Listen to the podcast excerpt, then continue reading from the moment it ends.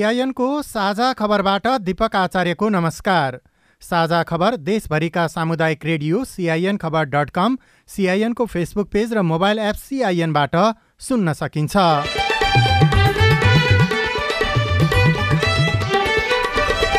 उपराष्ट्रपतिमा जसपाका नेता राम सहाय प्रसाद यादव निर्वाचित संविधानको रक्षा र राष्ट्रिय एकता प्रवर्धनमा जोड दिने चैत दस गतेसम्म सरकारले पूर्णता पाउने प्रधानमन्त्रीको दावी।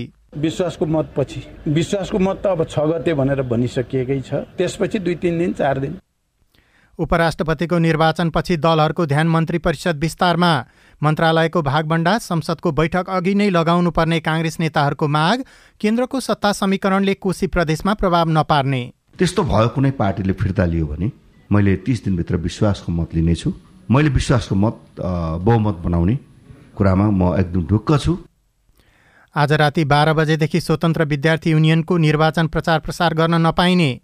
महिलामा स्तन र पाठेघरको क्यान्सर बढ्दै एसपिबी खोप लगाएमा पाठेघरको मुखको क्यान्सरबाट बच्न सकिने। तर यौन सम्पर्क सुरु गर्नु अगाडिको किशोरीहरूले चाहिँ लगाउँदाखेरि यो क्यान्सर हुनबाट चाहिँ नब्बे प्रतिशतदेखि पन्चानब्बे प्रतिशत नै यसले चाहिँ प्रोटेक्ट गर्छ।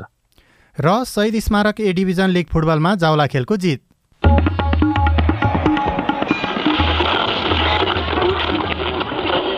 सयौं रेडियो। हजारौं रेडियो कर्मी र करोडौं नेपालीको माझमा यो हो सामुदायिक सूचना नेटवर्क सिआइएन सामाजिक सुरक्षाका प्राय कार्यक्रम औपचारिक रोग औपचारिक रोजगारीमा जोडिएकाका लागि मात्र हुन्छन्।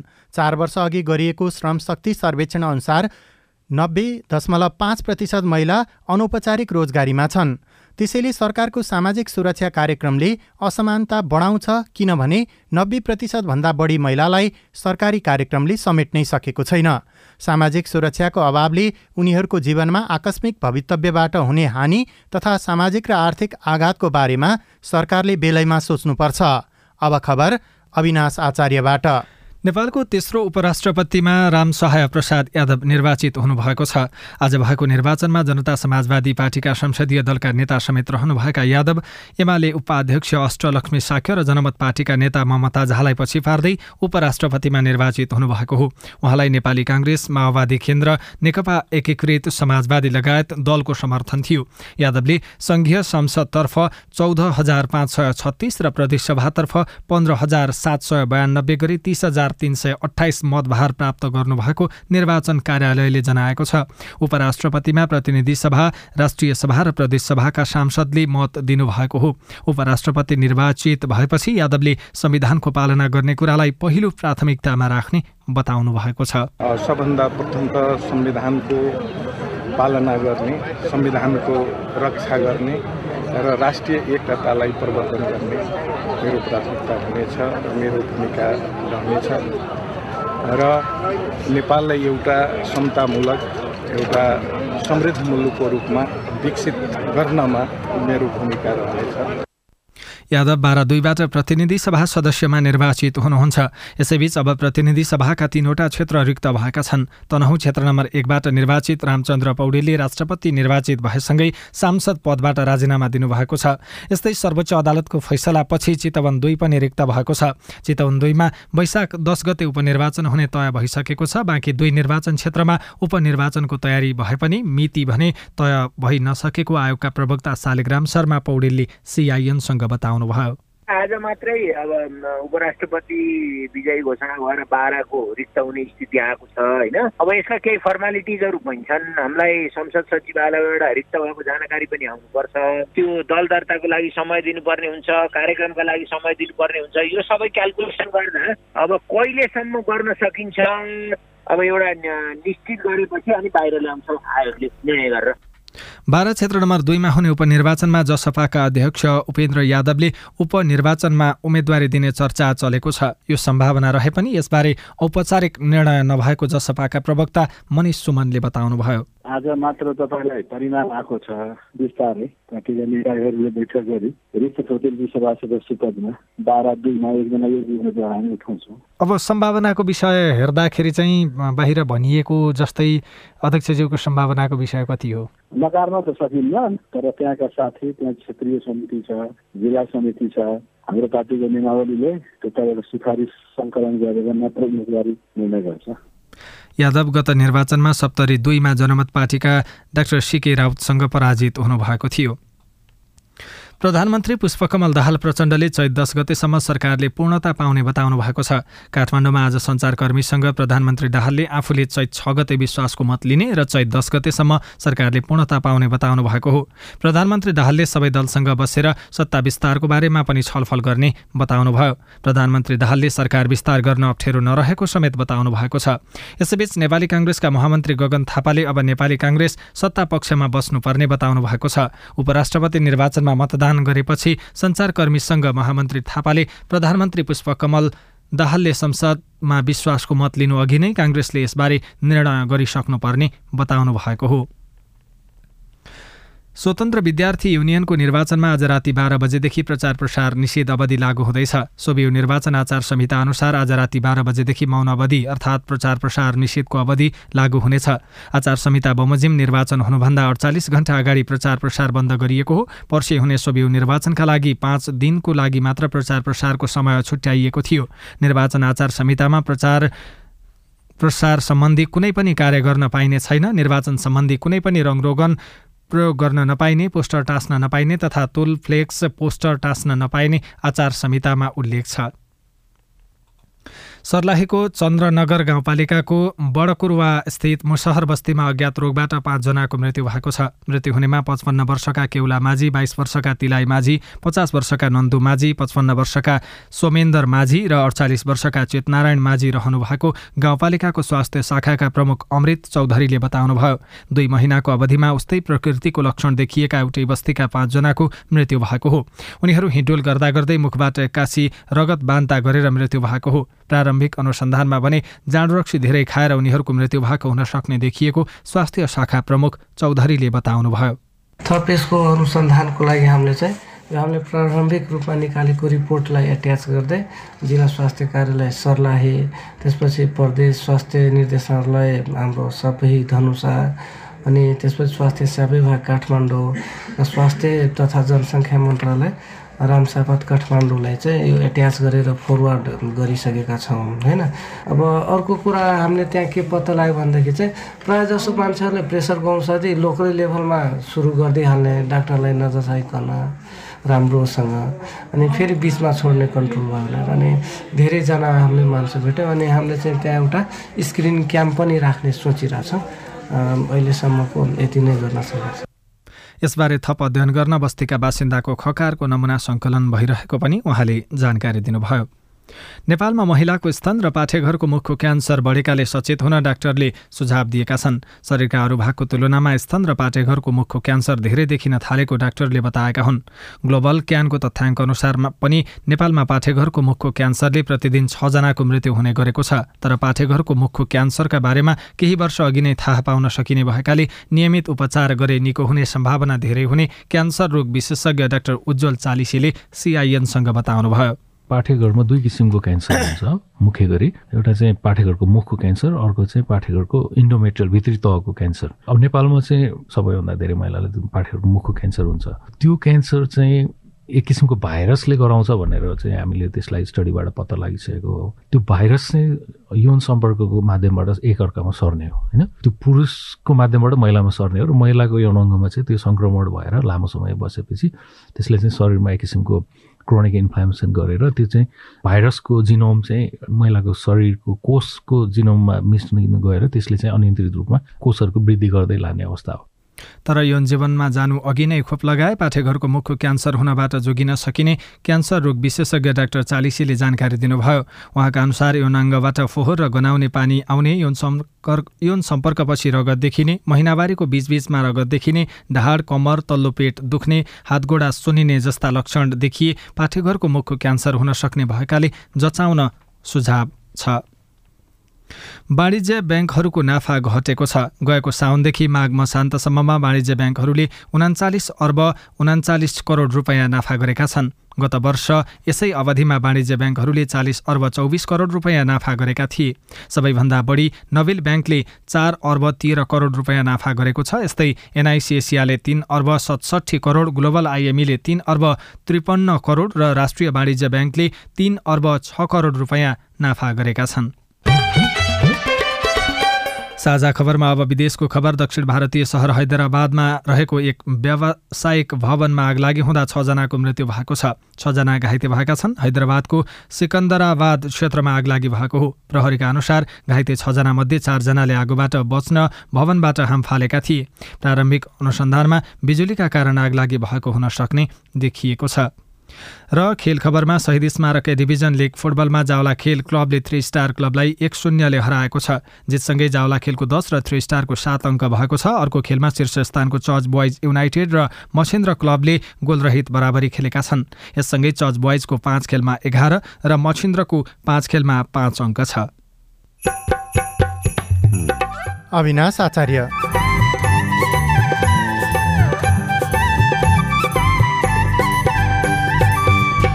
व्यावसायिक बाख्रा पालनमा पाल्पाका किसानहरू? पहिला परम्परागत बाख्रा पाल्थ्यौँ भने अहिले आधुनिक तरिकाले पाल्छौँ। स्थानीय सरकारको सहयोगले सजिलो रिपोर्टसँगै केन्द्रको सत्ता समीकरणले कोशी प्रदेशमा प्रभाव नपार्ने लगायतका सामग्री बाँकी नै छन्। सिआइएनको साझा खबर सुन्दै गर्नुहोला। ल कान्छा यतिका दिन जे भयो भयो। अब दाई दिदीबहिनीहरूसँग रिस नराखेस् है। कान्छा दाईले मात्रै होइन क्या आमा? मेलमिलाप भइसकेपछि अब कसैले मन अमिलो बनाउनु भएन। तपाईँहरूले नै रोजेका मेलमिलापकर्ता राखेर जग्गाको साँच सिमाना बारेको नौ वर्षदेखिको विवादमा मेलमिलाप भयो। योभन्दा खुसीको कुरा हामी मेलमिलापकर्ताको लागि के हुन्छ र? मेलमिलापकर्ता बाबु हामी दुई भाइ बिचको झगडालाई यति सजिलै चाँडै मिलाइदिनु भएकोमा तपाईँलाई मुरी मुरी धन्यवाद छ।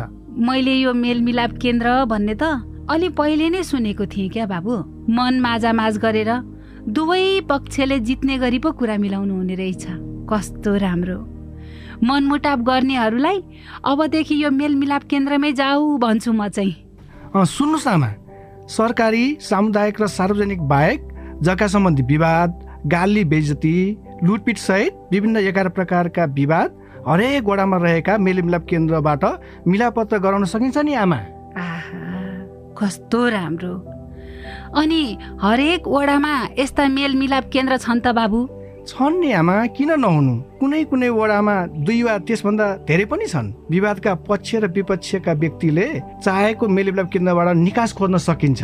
वडाको मेलमिलाप केन्द्रबाट विवाद समाधान भएन भने नि आमा। हजुर। पालिकाको न्यायिक समितिले पनि विवाद समाधानका लागि छलफल गराउन सक्छ। आहा यति भएपछि त गाउँघरको झगडा गाउँमै हाँसु खुसीका साथ मिल्ने भइहाल्यो नि होइन त? हो नि आमा। अस्ट्रेलिया सरकार र द एसिया फाउन्डेसनको साझेदारीमा सञ्चालित स्थानीय सरकार सबलीकरण कार्यक्रम र अकोराब नेपाल। जलवायु परिवर्तनले मानव जीवन र प्राकृतिक प्रणालीमा विश्वव्यापी प्रभाव पारेको छ। आगामी दिनमा यो क्रम अझै बढ्दै जाने अनुमान गरिएको छ। तिम्रो किताबमा पनि जलवायु सम्बन्धी पाठ रहेछ नि है नविना छ नि। आज म पारिस्थितिकीय प्रणालीमा आधारित अनुकूलन अर्थात् इबिए भन्ने पाठ पढ्दैछु। के रहेछ यो इबिए भनेको? जोखिममा परेका समुदायलाई प्राकृतिक स्रोत र साधनको उपयोग गरी जलवायु परिवर्तनको जोखिम न्यूनीकरण र सामना गरी जिउने र विकसित हुन सहयोग पुर्याउने कामलाई इबिए भनिन्छ। जलवायु परिवर्तनको प्रतिकूल प्रभावको सामना गर्न समुदायहरूलाई सहयोग पुर्याउने यो एउटा नयाँ अवधारणा हो। ए अनि खेती किसानी गर्ने हामीलाई पनि यसले फाइदा गर्छ? गर्छ नि। सुक्खा ठाउँहरूमा कम चिस्यानमा हुर्कन सक्ने बाली नाली लगाउने अनि पहिरो जान सक्ने क्षेत्रमा पहिरो रोकथाम गर्न सक्ने र उपयोगी बिरुवा लगाउने। समुदायलाई फाइदा हुने गरी वन चरण पानीको मुहान जस्ता स्रोतको दिगो व्यवस्थापन गर्ने कामहरू इबी अन्तर्गत पर्छन् क्या। उसो भए त यो गजबको कुरा रहेछ त। हो त नि धेरै गजबको कुरा हो। इबिएको योजना तयारी र कार्यान्वयन गर्दा स्थानीय जनताको सहभागिता आदिवासी जनजाति संरक्षण कर्मी प्राकृतिक स्रोत व्यवस्थापन अभियन्ता र निजी क्षेत्रका सरोकारवालाहरू बीच पनि समन्वय चाहिन्छ। जलवायु परिवर्तनले निम्ताएका चुनौतीको सामना गर्न जमिन जल र प्राकृतिक स्रोत व्यवस्थापनका सर्वोत्तम उपलब्धिहरूको कार्यान्वयन गरौँ। पारिस्थितिकीय प्रणालीमा आधारित अनुकूलन आयोजना जलवायु परिवर्तन तथा व्यवस्थापन महाशाखा वन तथा वातावरण मन्त्रालय र सिआइएन सामाजिक रूपान्तरणका लागि यो हो सामुदायिक सूचना नेटवर्क सिआइएन तपाईँ सामुदायिक सूचना नेटवर्क सिआइएनले काठमाडौँमा तयार पारेको साझा खबर सुन्दै हुनुहुन्छ।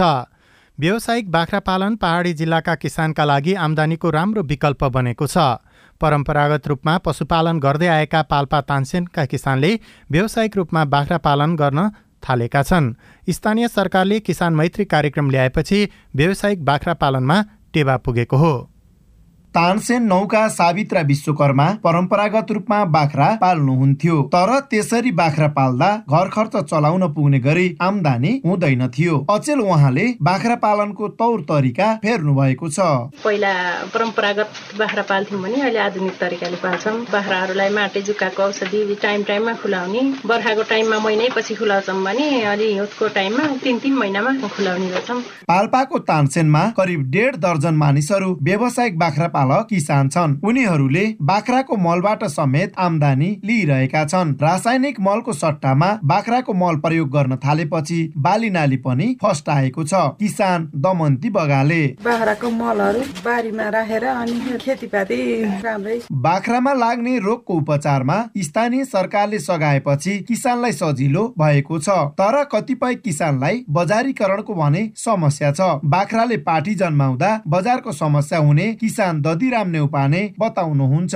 मेन समस्या भनेको हामीलाई बाख्राले पाठी पाउँदा बेच्न समस्या घाँस पुर्याउनु गाह्रो। किसानलाई तानसेन नगरपालिकाले आधुनिक खोर निर्माण उन्नत जातका बाख्रा खरिदमा अनुदान खोप लगायतका प्राविधिक सहयोग गर्दै आएको छ। सोही कारण बाख्रा पालक किसानको संख्या बढेको र तानसेन मासुमा आत्मनिर्भर रहेको बताउनुहुन्छ तानसेन नगरपालिका पशु शाखा प्रमुख सरोज तिमिल सेना। बाख्रा पालक कृषकहरूको लागि चाहिँ हामी उन्नत नस्ल सुधार जातका बाख्राहरू वितरण गर्दै सिजन अनुसार विभिन्न जुका माटेको औषधिहरू वितरण गर्ने भ्याक्सिनेसनका कार्य गर्दै आइरहेको छौँ। मासुमा आत्मनिर्भर रहेको छ यस नगरपालिका बाख्राको लागि। तानसेन नगरपालिकाको मदन पोखरा तेलघा बन्दी पोखरा बौगा गुम्बा लगायतका ग्रामीण क्षेत्रमा व्यावसायिक बाख्रा पालन हुने गरेको छ।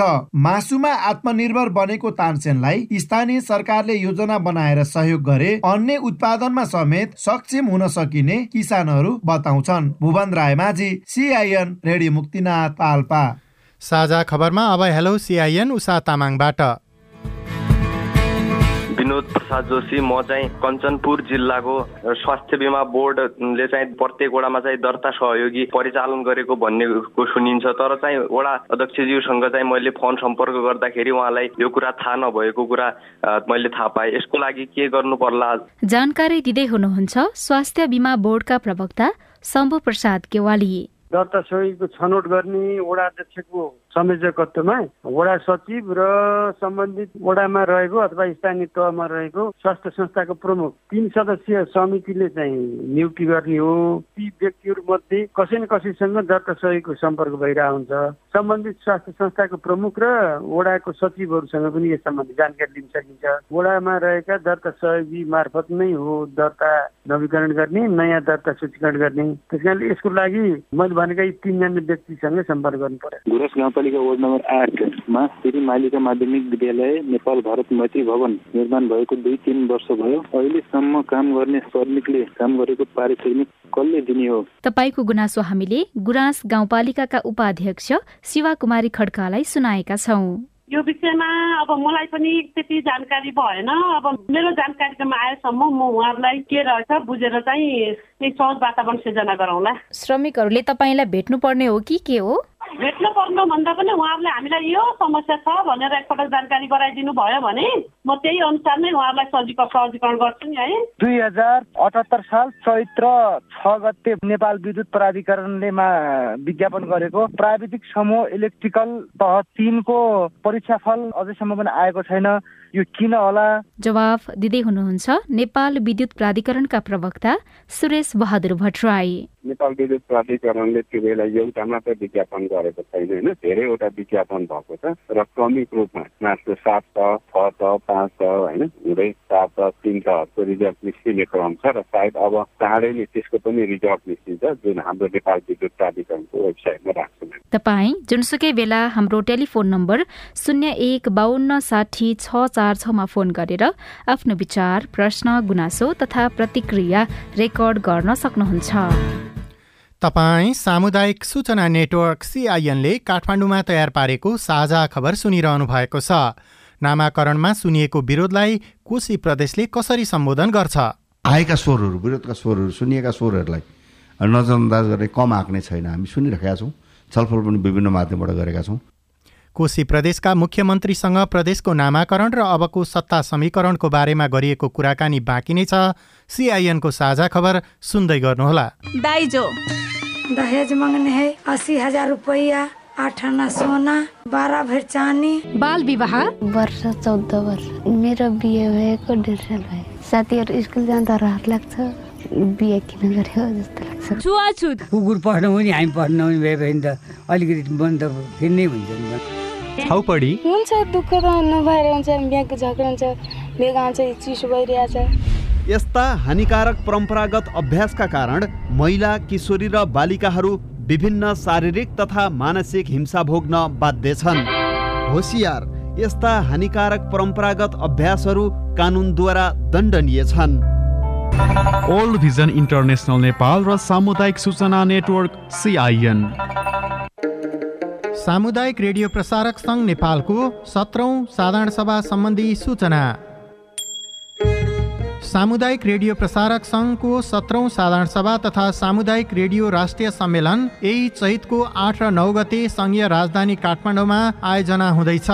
सो साधारण सभा तथा राष्ट्रिय सम्मेलनमा सबै सामुदायिक रेडियोबाट एकजना प्रतिनिधि छनौट गरी पठाउनु हुन सम्पूर्ण सदस्य रेडियोहरूलाई अनुरोध गर्दछौँ।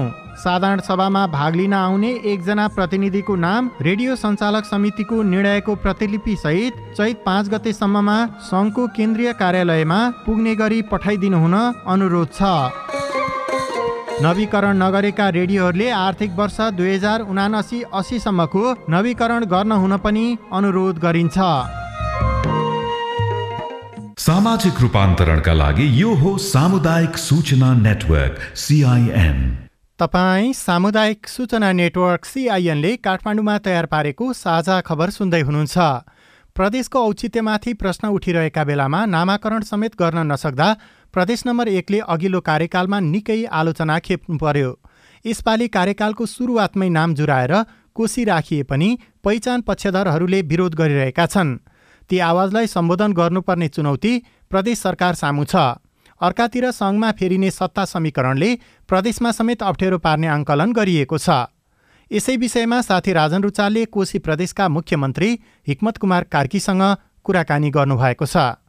यो कम्प्लिटली प्रदेश सभाको बिजनेस हो।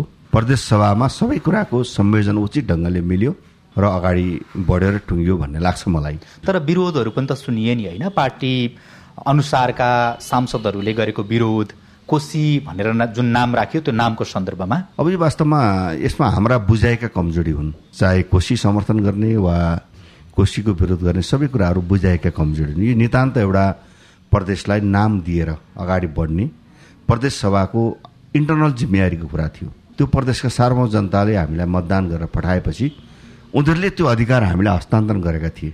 हामीले त्यो हामी बिचमा छलफल गरेर राय परामर्श गरेर त्यही बेला टुङ्ग्याउनु पर्थ्यो। नटुङ्गिने कुरा चाहिँ वास्तवमा दुःखदै थियो। एउटा नाम राख्ने सामान्य कुरा राजधानी तोक्ने सामान्य कुरा पनि हामी त्रियानब्बेजना पार्लियामेन्टेरियन बसेर छलफल गरेर टुङ्ग्याउन नसक्ने त्यसलाई हामीले अर्को पार्लियामेन्ट पुर्याउनु पर्ने कुरा चाहिँ आफैमा दुःखद थियो र सबै राजनीतिक दलहरूलाई जनताले प्रश्न उठाएका थिए। त्यसले गर्दा हामी ती सबै कुरालाई हृदयगम गर्दै नाम टुङ्गिँदा कुनै नितान्त नयाँ नाम आएको होइन।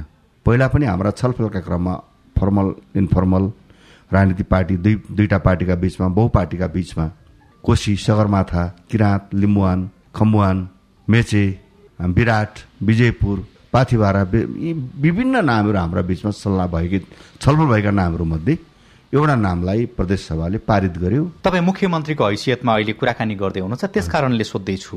हजुर। कोशी भन्ने नाम नै किन? अब यो फेरि यो कम्प्लिटली सरकारको बिजनेस पनि थिएन यो। म त मुख्यमन्त्री हुँ मैले सहजीकरण गर्ने तर लबिङ त थियो गर्ने यी कुराहरू थिए। मेरो पनि व्यक्तिगत मूल्य मत त्यही थियो होला। तपाईँकै पार्टीले प्रस्ताव गरेको नाम हो फेरि यो। तर पार्लियामेन्टेरियनहरूको यो गैर सरकारी प्रस्तावको रूपमा आएको थियो। पार्लियामेन्टका सदस्यहरूले राख्नुभयो। निश्चय पनि म ठुलो दलको नेताको हैसियतले मुख्यमन्त्रीको हैसियतले मेरा भूमिका त हुन्छन् नै। त्यहाँ भएका पार्टीहरूसित इन्फर्मल छलफल पनि व्यापक रूपमा भयो। भएका छलफल भएका नामहरूमध्ये कोशी लाने कुरामा सहमत भयो। प्रस्ताव लगियो टुङ्ग्यो।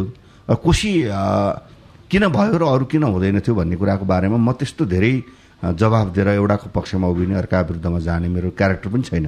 र मैले भन्दा हाम्रा धेरै नामहरू राख्नुपर्ने कारणमा धेरै खालका हाम्रा मूल्य मान्यताबाट हामी आएका थियौँ। हाम्रा राजनीतिक पार्टीहरू आएका थिए। कतिपयले जातीय पहिचानको कुरालाई कतिपय सामर्थ्यको कुरालाई कतिपय भौगोलिक पहिचानको कुरालाई कतिपय सांस्कृतिक पहिचानका कुरालाई उठाएका थिए। यीहरू मध्ये त्यो पार्लियामेन्टमा त्यो दिनका प्रस्तुति मैले सुन्दा हेर्दा लेख्दा र म मसित राय परामर्श गर्दा पनि कोशी चाहिँ नेपालकै सबभन्दा ठुलो नदी नदी किनाराबाट सभ्यताको सुरुवात भएको छ।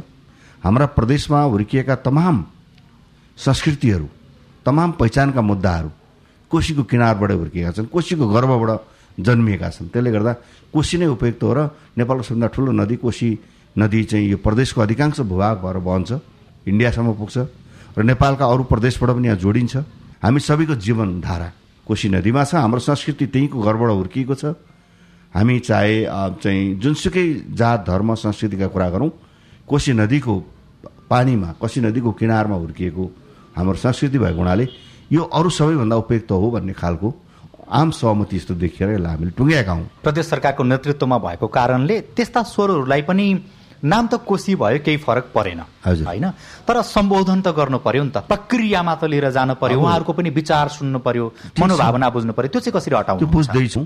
हामी राजनीतिक पार्टीहरूका बिचमा जुन पार्टीहरू भएर पास गऱ्यौँ पार्लियामेन्ट्री पार्टी बिचमा पनि छलफल भयो। पार्लियामेन्ट्री भन्दा बाहिरका हाम्रा आफ्ना मातृ पार्टीसित पनि छलफल भएको छ।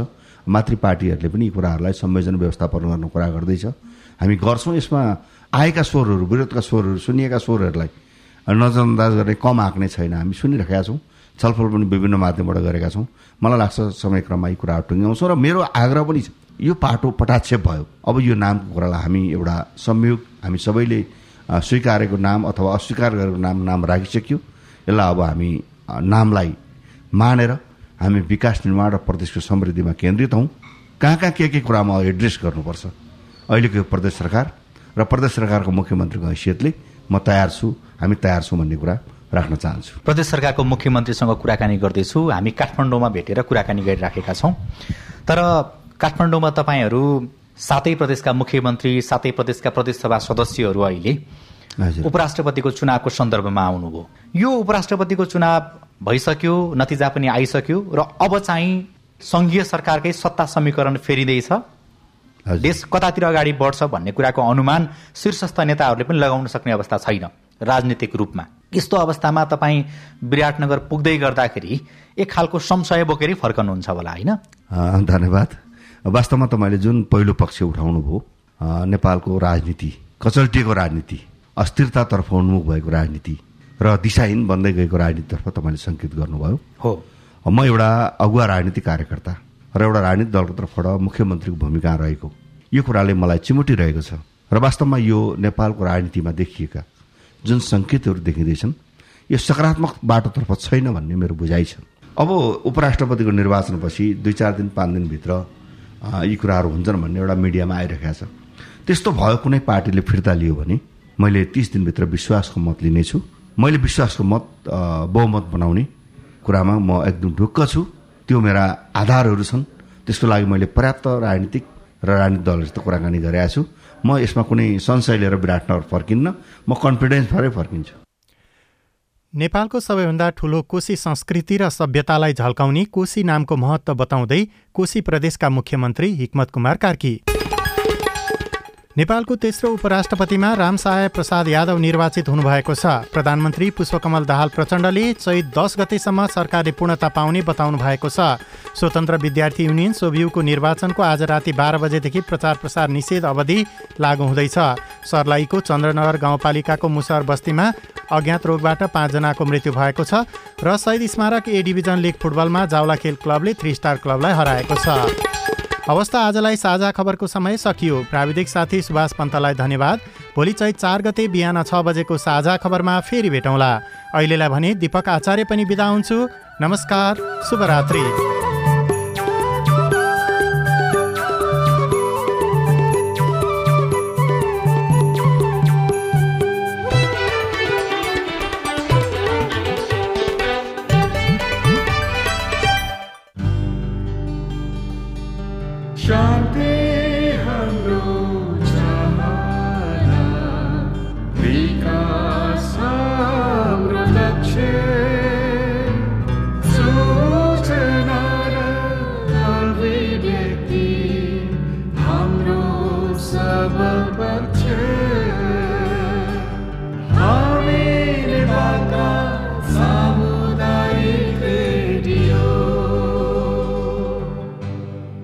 सामाजिक रूपान्तरणका लागि यो हो सामुदायिक सूचना नेटवर्क सिआइएन